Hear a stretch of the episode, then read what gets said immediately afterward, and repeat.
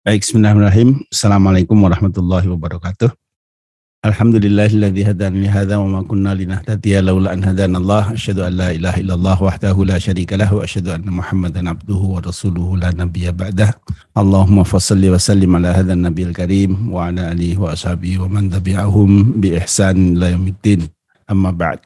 Bapak Ibu, para ustadz, para hadirin yang berbahagia, kita melanjutkan bagian kedua dari kisah Ka'ab bin Malik ya pada pekan yang lalu sudah saya bacakan potongan pertama. Ini motongnya saya sendiri ya. Jadi karena panjang ini saya potong-potong. Kemudian sarahnya juga diambil sebagian bersebagian. Nah walaupun nanti di bagian akhir akan ada pengambilan kesimpulan ya bisa jadi yang merangkum dari awal sampai akhir. Nah ini potongan yang kedua ini juga agak panjang. Saya berharap bisa selesai pada malam hari ini. Kalau nanti belum selesai ya kita baca sampai selesainya dulu. Wa kana min khibri hina takhallaftu an Rasulillah sallallahu alaihi wasallam fi ghazwati Tabuk dan dari pengalamanku ketika aku tertinggal dari Rasulullah SAW di dalam perang Tabuk anni lam akun qattu aqwa wala aisara minni hina takhallaftu anhu fi tilkal ghazwah jadi kondisiku pada saat itu itu tidak ada kondisi yang lebih baik melebihi kondisi saat aku tertinggal dari Rasulullah pada perang Tabuk itu. Artinya Ka'ab bin Malik kondisinya sedang sangat prima ya dari segi kesehatan fisiknya, dari segi perbekalannya, dari segi kesiapan dukungan ekonominya. Nah ini memang sedang bagus gitu, dibanding dengan yang lain-lain dibanding dengan kondisi beliau sendiri pada saat perang-perang sebelumnya. Wallahi ma jama'tu qablaha rahilataini qattu hatta jama'tuhuma fi tilkal ghazwah. Demi Allah, saya tidak pernah punya dua kendaraan, dua kuda tunggangan ya. Sama sekali sebelumnya sampai pada saat perang Tabuk ini saya punya dua. Jadi ini artinya dari segi kesiapan fasilitas itu sebenarnya melebihi waktu-waktu yang lain.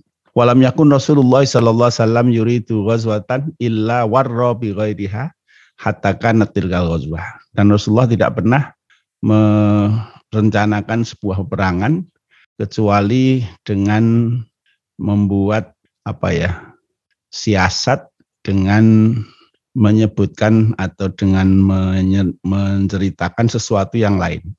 Hatta kanatil ghazwah sampai pada perang Tabuk ini. Jadi kalau biasanya Rasulullah kalau akan mengirim pasukan itu tidak menjelaskan secara pasti mau dikirim ke mana. Jadi seolah-olah misalnya mau dikirim ke utara, padahal ternyata dikirim ke selatan. Seolah-olah mau dikirim ke barat, ternyata ke timur. Nah ini warro ya, jadi tauriah, yaitu dengan dengan ungkapan-ungkapan yang tidak diperjelas. Nah, hatta kana ghazwah sampai pada perang Tabuk ini. Maksudnya kecuali pada saat perang Tabuk ini. Faghazaha Rasulullah SAW fi harin syatidin. Nah, Rasulullah menjalani perang Tabuk ini dalam musim panas yang sangat tinggi. Wastaqbala safaron fa'itan wa mafazan wastaqbala adatan kasiron. Kemudian akan menghadapi perjalanan panjang yang berat dan menghadapi jumlah musuh yang besar.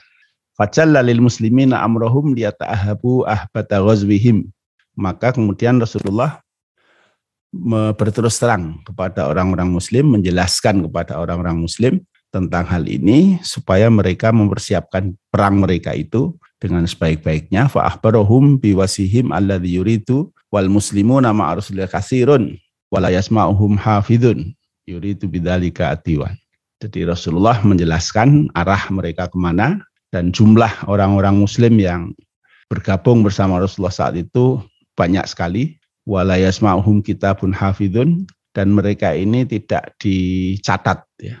Yuridu bidzalika adiwan jadi tidak dibuat daftar yang ikut serta siapa saja. Jadi pokoknya diumumkan dan kemudian mayoritas orang mukmin pada saat itu berangkat Qala Ka'ab faqalla rajulun yuridu ayyataghayyaba illa dhanna anna dzalika sayukhfa bihi ma lam yanzil fihi wahyun minallah.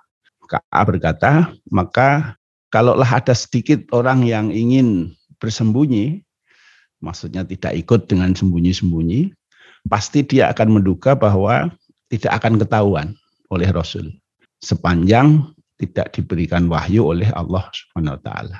Jadi saking banyaknya yang ikut itu, jadi kalau misalnya ada satu dua orang yang ngeresep gitu ya, jadi ngilang itu, tidak ikut di dalam rombongan itu, mungkin Rasulullah tidak akan tahu juga. Kalau lah bukan karena wahyu dari Allah SWT. Saking banyaknya yang ikut di tabuk ini. Wa ghaza Rasulullah SAW tilkal ghazwah simar wa dan perang terjadi saat itu pada saat buah-buahan maksudnya buah kurma sedang bagus-bagusnya wadilal dan juga eh, kebun kurma teduh ya.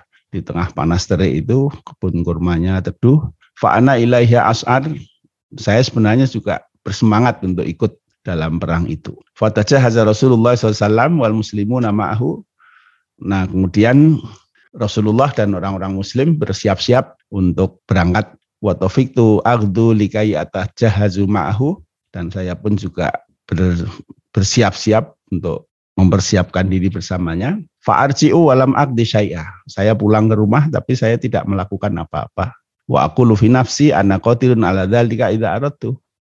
Dan saya berkata dalam diri saya, dalam batin saya ya, saya bisa lah kalau saya mau ya kapan saja saya bisa untuk segera mempersiapkan diri dan berangkat. Karena apa? Karena semua yang dibutuhkan sudah ada di situ. Ya, tidak perlu mencari-cari ke mana-mana lagi.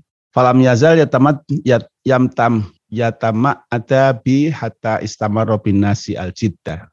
Nah saya terus menerus untuk e, menunda-nunda ya sehingga orang-orang sudah mempersiapkan semua perbekalannya. Fa asbah Rasulullah SAW ghadiyan wal muslimuna ma'ahu walam akti min jihazi syai'an. Maka kemudian Rasulullah SAW dan orang-orang muslim yang bersama beliau telah berangkat walam akdi min jihazi syai'an. Ternyata saya belum persiapkan bekal saya sedikit pun. Summa qadautu. Kemudian pada pagi harinya, faraja'tu, saya pulang lagi ke rumah, walam akdi syai'an dan aku pun tidak melakukan apa-apa. Falam yazal yatam, yatama ada bi hatta asra'u wa tafaratul ghazba fahamamtu an artahila fa. Nah, saya pun menunda lagi dan mereka para pasukan itu sudah berjalan cepat menuju ke peperangan. Nah, saya masih berniat untuk naik kendaraan dan bisa mengejar mereka. Faya laitani fa'altu. Tapi sayangnya saya tidak ngerjakan. Semalam yaktir kali. Kemudian aku pun tidak lagi mampu untuk melakukan itu. Jadi ini menunda-nunda, nunda-nunda, nunda, dah nanti gampang, nanti gampang, nanti gampang. Saya masih bisa mengejar kendaraan saya bagus dan lain-lain. Tapi akhirnya entah karena apa dia tidak bisa melakukan itu. Fatofiktu idha kharastu fin nasi ba'da huruji Rasulullah SAW yahzununi anila aro li uswatun. Saya merasa sedih ketika Rasulullah sudah keluar bersama para sahabat. Ketika saya keluar dari rumah, saya tidak melihat saudara-saudara atau teman-teman yang biasanya mereka ketemu ya. Illa rasulan mahmusan alaih nifak. Kecuali yang saya temui adalah orang-orang yang sudah tercelup ya di dalam kenifakannya, kemunafikannya. Maksudnya sudah ya orang-orang munafik lah yang dia temui itu. Aurasulan miman adzarallahu ta'ala minaddu'afa atau yang ditemui adalah orang-orang yang diberi uzur oleh Allah dari kalangan orang-orang lemah. Jadi orang tua, orang-orang yang sakit, kalau yang sehat-sehat yang dia temui ya, itu hanya orang-orang munafik. Walam yadkuruni Rasulullah SAW hatta balago tabuk. Dan Rasulullah pun tidak menyebut-nyebut aku sampai ketika tiba di tabuk. Fakola wa huwa jalisun fil qaum bitabuk ma fa'ala Ka'ab bin Malik. Nah, tentu ini beliau mendapat cerita dari sahabat yang lain ya yang ikut di Tabuk itu. Maka bersabda Rasulullah ketika dia duduk di tengah-tengah orang banyak, di tengah-tengah para sahabat yang ikut di Tabuk, ma fa'ala Ka'ab bin Malik. Apa yang terjadi dengan Ka'ab bin Malik? Ini kok enggak kelihatan ya Ka'ab bin Malik ini. Faqala rajulun min Bani Salmah, Salamah, seorang dari Bani Salamah mengatakan, Ya Rasulullah, habasahu burdahu wa nadhar fi atfaihi. Ya Rasulullah, dia tertahan oleh jaketnya dan dia melihat dengan agak sombong ya. Faqala lahu Mu'ad bin Jabal radhiyallahu anhu bi sama kulta. Maka Mu'ad bin Jabal kemudian mengoreksi orang itu bi sama kulta buruk sekali yang kamu katakan Wallahi ya Rasulullah ma'alimna alaihi illa khairan Demi Allah ya Rasulullah kami tidak mengetahui Ka'ab bin Malik kecuali dia orang baik Masa kata Rasulullah SAW maka diamlah Rasulullah Sallallahu Alaihi Wasallam. Fabainahu ala dzalika ra'a rasulan mubayyadun yazulu bi sarab. Nah, pada saat itu Rasulullah melihat seorang sesuatu seseorang yang kelihatan putih dari jauh ya, yang tertutup oleh kabut bu. Fakfa qala Rasulullah SAW ini bukan kul ya, fakola ini alif push sorry. Ini pakai alif ya. Faqala Rasulullah SAW, kun apa khaisamah. Mudah-mudahan dia adalah Abu Khaisamah. Fa'idan huwa Abu Khaisamah al-Ansari. Nah ternyata beliau betul Abu Khaisamah al-Ansari. Wa huwa alladhi tasattaqa bisil'in minat tamar. Bisa'in, bukan bisil'in ya. Bisa'in minat tamar hina lama zahul munafiqun. Nah dia adalah orang yang bersedekah dengan satu sok kurma ketika dia diejek oleh orang-orang munafik. Nah ini potongan kedua ya, jadi eh, kita sepintas bisa ikuti kisahnya. Jadi ketika orang-orang sudah bersiap-siap untuk melaksanakan tugas, mempersiapkan diri untuk segera diajak berangkat oleh Rasulullah SAW, Ka'ab bin Malik ini karena merasa sangat siap ya, over over confidence ya dengan dirinya sendiri, dia santai-santai ya santai-santai ketika orang sudah semua siap, sudah berjalan, dia masih berpikir sebentar lah nanti saya kapan aja saya bisa ngejar sebentar lagi sebentar lagi sebentar lagi sampai hari besok hari besok sampai pada hari berikutnya dia merasa sudah tidak mungkin lagi untuk bisa mengejar pasukan itu akhirnya beliau tidak jadi berangkat. Nah, ketika beliau tidak berangkat itu ketika di Madinah ya, beliau keluar dari rumahnya ke pasar ke mana gitu ya. Dia sedih karena yang dia temui hanya kalau yang sehat-sehat rata-rata adalah orang-orang yang sudah dikenal sebagai orang-orang munafik atau kalau yang lain-lain yang orang-orang mukmin ini rata-rata orang-orang yang punya udur, apa karena sakit, apa karena tua dan lain-lain. Nah, begitu ringkas ceritanya. Kemudian ketika sampai di Tabuk, Rasulullah SAW menanyakan, ini Ka'ab bin Malik mana ini kok tidak kelihatan ya. Jadi karena Ka'ab ini ya salah seorang yang tokoh ya di kalangan kaum Angsor. Ya. Nah, kita tahu beliau adalah orang yang ikut di dalam Bai'ah Qobah satu. Nah, ini para pelopor keislaman di Madinah ya. Kemudian juga ikut di hampir seluruh peperangan kecuali perang Badar karena perang Badar ini tidak mengharuskan semua orang ikut. Nah, sehingga ketika di perang Tabuk ini eh, Ka'ab bin Malik, salah satu tokoh di Madinah kok tidak kelihatan, Rasulullah menanyakan, ini ke mana ini Kaab ini kok tidak kelihatan. Nah ada yang menyindir ya, nah ini kabutan mantel ini, maksudnya ya pengen tidur istirahat saja di Medina ya. Tapi Mu'ad bin Jabal, orang yang tahu persis bagaimana aslinya eh, Ka'ab bin Malik, beliau tidak setuju dengan pendapat itu. Beliau mengatakan, ya Rasulullah, yang kami tahu Mu'ad ini orang baik. Jadi pasti ada sesuatu lah yang menyebabkan beliau tidak ikut. Baik, nah kemudian kita cuplikkan sarahnya dari potongan ini. Yaqulu radhiyallahu anhu inni lam akun qatu aqwa wala aisaru minni hina takhallaftu anhu fi tilka ghazwah ay ghazwati tabuk. Kana qawiyul badan yasirul hal hatta innahu kana indahu rahilatani fi tilka ghazwah wa ma jama'a rahilataini fi ghazwatin qablaha abada. Jadi tadi Ka'ab bin Malik mengatakan bahwa kondisiku saat itu sebenarnya adalah kondisi yang terbaik. Belum pernah kondisi belumnya itu sebaik kondisi saat kita diperintahkan untuk perang Tabuk itu. Jadi secara fisik dia kuat, secara ekonomi dia banyak rezeki, bahkan sampai punya dua kuda tunggangan yang bisa untuk berperang dan sebelum-sebelumnya tidak pernah dia sampai punya seperti itu. Waqat ista'adda wa tajahaza radhiyallahu anhu wa kana min adati Nabi sallam annahu idza arada ghazwatan warra bi ghairiha ay adhara khilafa ma yurid. Nah, kebiasaan Nabi ketika akan berperang itu beliau menjelaskan sesuatu tidak seperti yang semestinya. Jadi dia menzohirkan sesuatu yang berbeda dengan apa yang sebenarnya diinginkan. Wahada min hikmatihi wahanakatihi fil harbi. Ini salah satu kebijakan dan kecerdasan beliau di dalam perang. Di anna lo adhara wajhahu tabayyana dzalika li'atuwihi farubbama yasta'itu lahu aksar wa rubbama yadhhabu an makana alladhi qastahu Nabi SAW fihi. Nah, kalau saja Nabi selalu menunjukkan, menjelaskan apa yang akan dilakukan, maka bisa jadi akan tampak oleh musuhnya. Nah, sehingga musuh akan bisa mempersiapkan diri lebih baik. Atau musuh akan berpindah dari tempat yang sudah direncanakan oleh Nabi SAW itu. Fakana masalan idza arata yahruja ilal janub warra ka'annahu yuridu ayahruja ilal shimal. Jadi misalnya ketika Nabi sebenarnya akan menggerakkan pasukan ke selatan, nah seolah-olah pasukan itu akan bergerak ke utara. Au idza arata yahruja ila syarqi warra ka'annahu yuridu ayahruja ilal gharbi. Kalau dia akan menggerakkan pasukan ke timur, maka seolah-olah pasukan itu akan bergerak ke barat.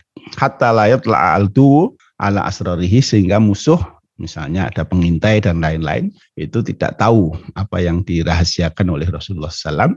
Illa fi ghazwati Tabuk, fa inna Nabi SAW bayyana amroha wa waddahaha wa jallaha li ashabihi. Kecuali di perang Tabuk ini, Nabi itu menjelaskan secara gamblang ya kepada para sahabat. Zalika li umurin, ini karena beberapa alasan. Pertama, inna hakanat fi syiddatil har hinna tabatis simar wan nufusu majbulatun ilalan arrukun ilal kasri wa ilal roha. Ini terjadi di musim panas ketika buah-buahan anggur maksudnya ya sedang sangat bagus. Nah, biasanya orang pada situasi itu itu cenderung kepada malas dan pengen istirahat. Sanian annal mata ba'id minal matina ila tabuk fa fiha mafawazun mafawazun wa rumalun wa atsun wa syamsun. Jaraknya jauh ya dari Madinah ini ke Tabuk. Nah, sehingga ada perlu kal perlu perjalanan panjang, rasa haus, panas ya. Salisan anal atu wa kasirun wa hum arrum istama'u fi adatin ha'ilin hasba ma balaghun Nabi SAW. Walidzalika jalla amroha wa awdaha amrul ghuzah musuhnya banyak, yaitu orang-orang Romawi. Tentara Romawi maksudnya. Mereka berkumpul dengan jumlah yang besar, sebagaimana yang informasi yang masuk kepada Nabi. Nah, dan oleh karena itu, Nabi SAW menjelaskan tentang rencana tabuk. Jadi ada banyak hal ya yang Nabi berterus terang di dalam perang tabuk ini. Di samping juga musuhnya jauh, tidak ada mata-mata yang dikhawatiri di situ ya. Kalau ada misalnya pengkhianat yang akan mengabari mereka juga sangat jauh. Jadi risiko keamanannya kecil lah dengan menjelaskan tujuan keberangkatan perang pada hari itu. Fakharat al muslimu nama Rasulullah SAW walam yatakhallaf illa man khadalahu Allah bin nifaq. Wa salah satu rijalin hum Ka'ab bin Malik wa Murarah bin Ar-Rabi wa Hilal bin Umayyah radhiyallahu anhum. Maka keluarlah Nabi bersama orang-orang muslim dan tidak tertinggal di Madinah kecuali orang-orang yang dihinakan Allah dengan sifat munafik dan tiga sahabat saja yaitu Ka'ab bin Malik, Murarah bin Ar-Rabi dan Hilal bin Umayyah radhiyallahu anhu. Haula'i minal mu'minin al-khalas lakin la khallafu li amrin aradahullahu azza wa jalla.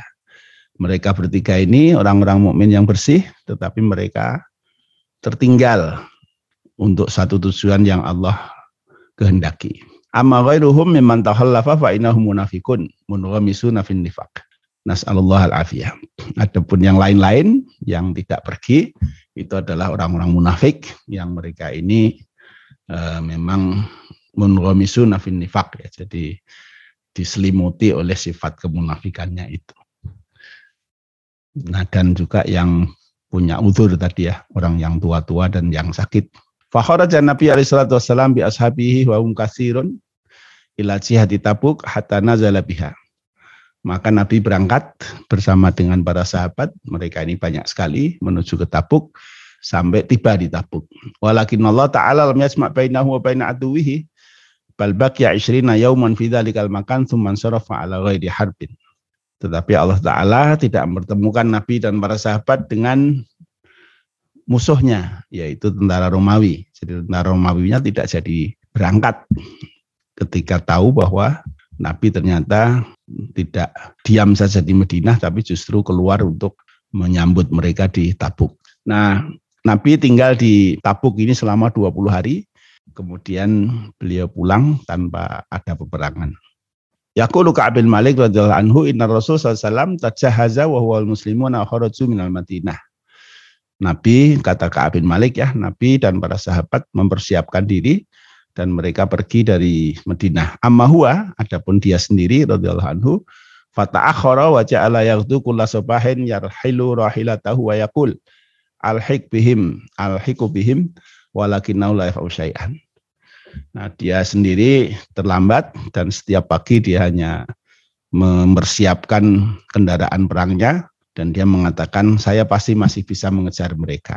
Walakin nahu la yaf'alu syai'a tapi dia tidak melakukan apa-apa. Summa yaf'alu kulla yaum hatta tumati bil amra walam yad walam yudrik. Nah, demikianlah dia lakukan beberapa hari sampai akhirnya dia pun memastikan tidak bisa mengejar lagi. Wa fi hadha dalilun ala anna insan idza lam yubadir bil amali shalih fa innahu harra ayyuhrama iyyahu. Nah, ini menjadi petunjuk bahwa kalau kita tidak bersegera melakukan amal soleh, itu bisa jadi kita akan tidak mampu lagi melakukannya. Kama qala Allah Ta'ala, wa nuqallibu afidatahum wa absarahum kama lam yu'minu bihi awwala maratin wa nadharuhum fi ya'mahun dan kami pulak balik hati dan penglihatan mereka sebagaimana mereka tidak mau beriman sejak pertama kali. Wa nadharuhum fi tughyanihim ya'mahun dan kami biarkan mereka berada di dalam kebingungan dalam kesesatan mereka. Al-An'am 110 ya. Jadi sebenarnya mereka awal-awal itu sudah merasa ya, wah ini benar ini. Tapi menunda-nunda tidak segera beriman. Entar dulu, entar dulu, entar dulu. Nah pada akhirnya Nah, ya sampai mati dia kafir. Fal insanu idza alimal haqqa wa lam yaqbiluhu wa yad'ana lahu min awalin wa halatin fa inna dzalika qad yafutahu wa yuhramu iyahu. Kalau seseorang itu melihat kebenaran tapi tidak segera menerima dan e, dari awal ketika dia melihat kebenaran itu, maka bisa jadi dia akan kehilangannya, kehilangan kebenaran itu dan tidak mendapatkannya. Wal yadzubillah. Kama anal insan idza lam yusbir musibah min awalil amri fa innahu yahrimu yuhramu ajroha. Sama dengan orang kalau terkena musibah tapi dia tidak bersabar sejak pertama kali, maka dia tidak akan mendapatkan pahala kesabaran. Di qauli Nabi sallallahu inna masabru inda sadmatil ula.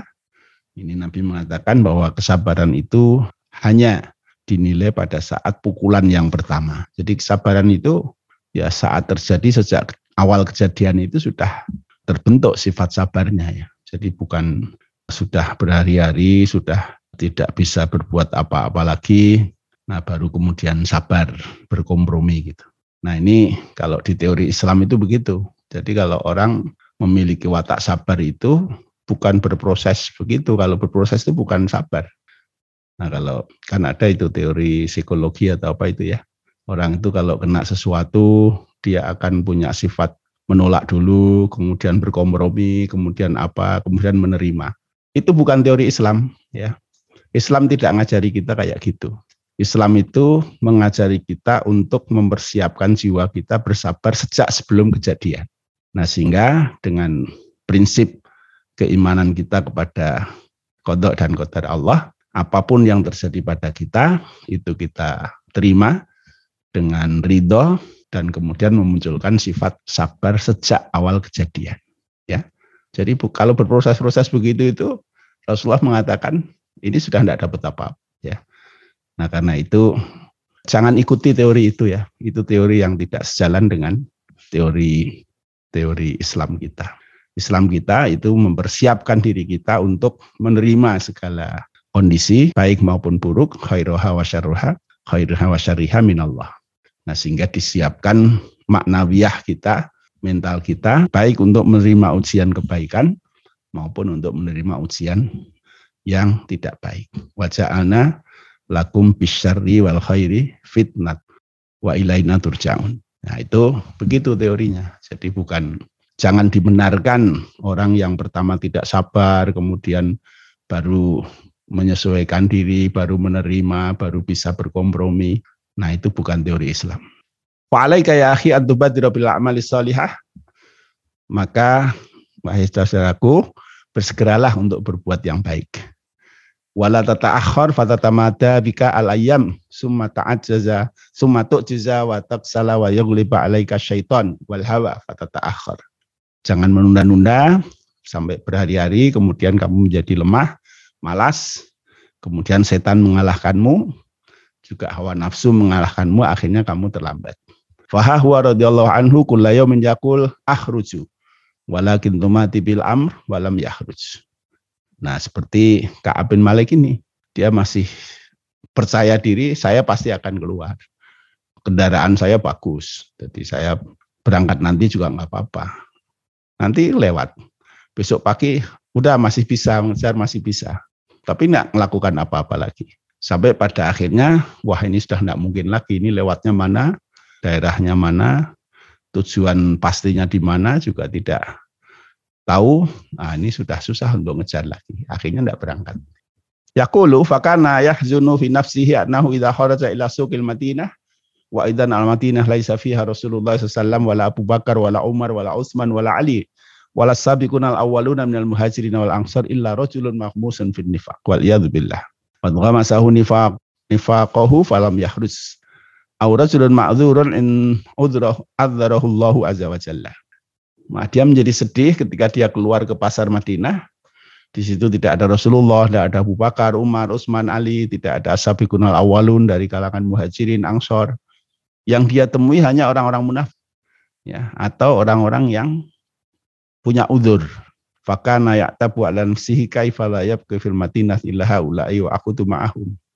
Maka dia menyesal, menyesali dirinya sendiri Bagaimana mungkin saya hanya duduk di Madinah bersama mereka ini? Jadi jadi layap kofil Madinah ilaha ula. Di Madinah tidak ada orang lain kecuali mereka-mereka ini dan saya harus duduk bersama mereka. Padahal seharusnya dia bersama para pejuang yang di medan perang. Wa Rasulullah SAW la bikuruhu wa la mas'alu anhu hatta wasala ila tabuk. Dan Rasulullah SAW tidak menyebut-nyebut namanya dan tidak menanyakan tentang dia sampai ketika tiba di Tabuk. Fapai nama huwa jalisun wa ashabu fi Tabuk sa'ala anhu faqala Rasulullah sallallahu aina Ka'ab bin Malik fatakallama fi rajulun Bani Salamah wa ghamazahu walakin tafa'a anhu Mu'ad bin Jabal radhiyallahu anhu fasakata Nabi sallallahu walam yajib syai'in la 'ala alladhi ghamazahu wa la 'ala. Nah, ketika sampai di Tabuk, Rasulullah menanyakan tentang Ka'ab bin Malik, maka ada seorang bani dari Bani Salamah yang menyampaikan jawaban dengan ada sejenis tuduhan lah, tapi kemudian dibantah oleh Mu'ad bin Jabal. Nah Rasulullah diam, tidak membenarkan yang menuduh dan juga tidak membenarkan yang membantah. Bapak nama huwa kadzalika idza ra'a rajulan mubayyadhan ya yakni bayadun yazulu bi sarab min ba'id Faqala Nabi SAW, kun Aba Haithumah al-Ansari, fakana Aba Haithumah. Nah pada saat itu dari jauh kelihatan ada orang yang datang agak belakangan ya, dengan kelihatan berbaju putih tapi tertutup oleh debu-debu dari jauh ya. Nabi berharap mudah-mudahan ini adalah Abu Haithamah al-Ansari. Nah ternyata betul. Wahada imamin farasatin nabi, firasatin nabi SAW, wa imamin kuwatina dhurihal SAW. Ini bisa jadi karena firasat Nabi atau karena memang pandangan Nabi yang kuat, di penglihatan Nabi yang kuat. Jadi dari jauh pun dia sangat hafal ini siapa yang berjalan ini. Wala syakka annahu min aqwa rijal nadhran wa sam'an wa nutqan fi kulli syai'in. Dan tidak diragukan bahwa Nabi ini orang yang pandangannya, pendengarannya, ucapannya sangat kuat. Wa abu haitsumma hadha huwa alladhi tasaddaqa bi sa'in inda mahatha Nabi SAW ala sadaqah. Abu Haysamah ini adalah orang yang hanya bisa bersedekah dengan satu sok kurma. Ketika Nabi mendorong para sahabat untuk bersedekah, patasat nas kullan bihas bihalihi. Manusia, orang-orang saat itu bersedekah sesuai dengan kondisinya. Fakan rajul idza ja'a bisadaqah al kasirah qala munafiqun hadza miraun ma'aksara sedekah ibtigha Allah. Nah, orang-orang munafik ini selalu berkomentar negatif terhadap orang-orang muslim yang bersedekah pada saat itu. Kalau ada orang banyak sedekahnya, dia mengatakan, ah ini pamer ini. Wa idza ja'a rajul al-faqir bi sadaqah yasirah qalu innallaha ghaniyun an sa'in had. Kalau ada orang yang fakir, sedekahnya sedikit, dia mengatakan Allah tidak butuh dengan satu sok seperti ini. Nah ini Abu Khaisamah ini orang yang mukmin kuat tetapi fakir. Nah, ketika sahabat-sahabat lain bersedekah dengan emas sekian, dengan sekian, beliau hanya bisa bersedekah dengan satu sok kurma. Ungdur wal billah yalmizun al mu'minin min huna min huna. Kama qala Allah Ta'ala alladzina yalmizun al mutawwi'ina minal mu'minina fi sadaqat walladzina yajiduna illa juhdahum. Nah, lihatlah ini orang-orang munafik ini, mereka ini selalu menghina orang-orang mukmin dari sini dari sini. Jadi apa pun yang dilakukan orang mukmin itu selalu di dicari kesalahannya. Nah inilah yang diungkapkan oleh Allah orang-orang munafik itu alladzina yalmizuna al-mutawwi'ina minal mu'minin sadaqat walladzina la illa juhdahu. Orang-orang yang menghina, merendahkan orang-orang mukmin yang hanya sedikit di dalam sedekahnya dan yang tidak mendapatkan tidak memiliki sesuatu kecuali yang dia miliki. Ai idza tasaddaqu bima satiyuna qalu innallaha ghaniyun an sa'ika. Wa hakadha munafiq syarrun al muslimin. Fa in ra'a ahlal khair lamazahum wa in ra'al muqassirin lamazahum. Orang munafik selalu begitu. Kalau lihat yang baik dia cacat juga, kalau yang buruk dia cacat juga. Wa huwa ahbasu ibadillah wa huwa fitar ke asfal nar dia adalah sekotor-kotor hamba Allah se, dan dia di lapis terbawah dari neraka.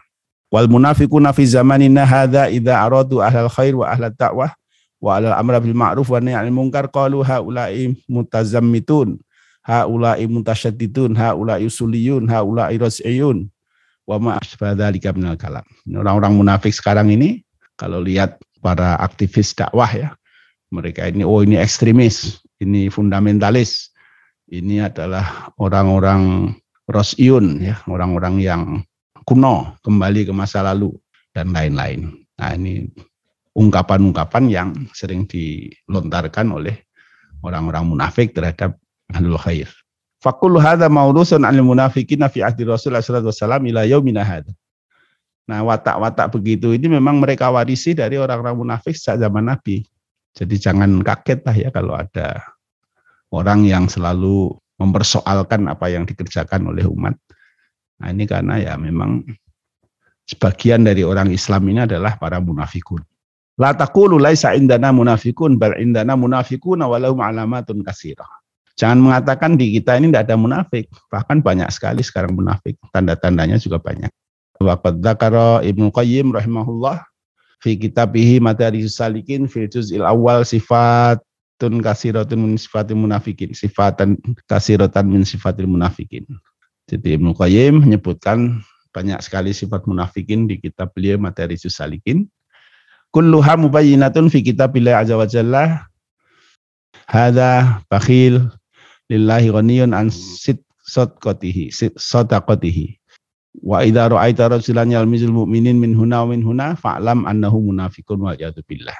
Jadi kalau kamu mendapati orang yang selalu mempersoalkan orang-orang mukmin dari sini dari sini dari sini maka ketahui bahwa mereka ini orang munafik.